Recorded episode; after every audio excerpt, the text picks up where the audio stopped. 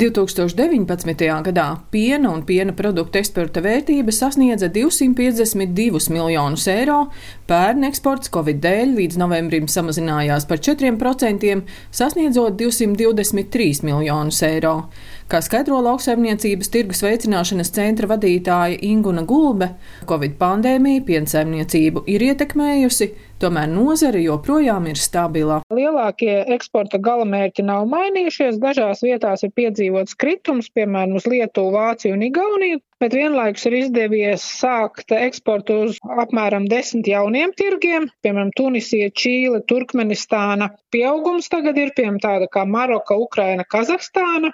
Turisms ir apstājies līdz ar to, restorāni ir aizslēgti, ciet un tā tālāk bet mazumtirdzniecība, mājasemniecība patēriņš ir pieaudzis. Ir dažas produktu grupas, kas ir eksportētas, piemēram, sviests 200% vairāk nekā iepriekšējā gadā. Tāpat arī pilnpielna pulveris ir eksportēts daudz, samazinājums ir vaipiena pulveriem, dažiem cietajiem sieriem. Nozarē parādījusies lielāka sadaļa visam, kas notiek internetā. Ir ražotāji, kas atvēruši paši savus veikalus, tirgo vienkārši citu e-veikalu platformās. Cena piena nav pieaugusi, viņa ir pat drusku samazinājusies.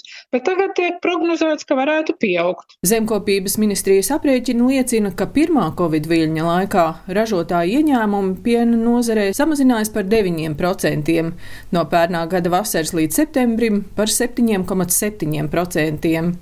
Tie, kuru ienākumi samazinājās vismaz par 5 un vairāk procentiem, saņēma subsīdijas, kuru kopējais apjoms bija 20,6 miljoni eiro.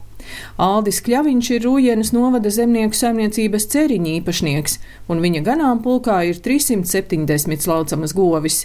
Piena cena samazinājusies vidēji par 10%, tomēr saimnieks atzīst, ka nozare ir perspektīva. Pirms krīzes cena atpakaļ vēl nav. Ja nokritās par 10%, tad pa kaut kādiem 4% ir atpakaļ. Mums ir jāpielāgojas šīm cenu svārstībām, un mums ar to ir jārēķinās. Mēs tik strauji neattīstamies, jā, mēs atliekam kaut kādus attīstības plānus. Ražošanu mēs nesašaurinam, tāpēc mēģinājumi izveidot Latvijā daudz maz normālu kooperatīvu pārstrādi tika apturēti, nolikvidēti. Es runāju šajā gadījumā par trikātu, par Latvijas pienu. Jau piecus gadus esam iestājušies Igaunijā reģistrētam kooperatīvam EPIN. Tā kā šeit es saredzu nākotnes perspektīvu. Latvijā ir cilvēki, kas vēl ir gatavi piena nozarē strādāt, kas māk to darīt. To jau pierāda tas, ka Latvija saražo daudz vairāk piena produktu nekā paši spēj patērēt. Tātad Latvija ir piena eksportētāja valsts. Latvijai ir svarīgi, lai šie ārējie tirgi piensaimniecības tirgi ārpus Latvijas attīstās, un tad arī Latvijas piena nozara var attīstīties. Pirms gada, apvienojoties Igaunijas kooperatīvam EPIM un Latvijas piena kooperatīvam Piena ceļš, izveidojās Baltijas starpvalstu piena kooperatīvs, kurā darbojas 100 Igaunijas un 60 Latvijas zemnieki. EPIM pieder vairākas rūpnīcas Igaunijā un Jaunpils pienotava Latvijā.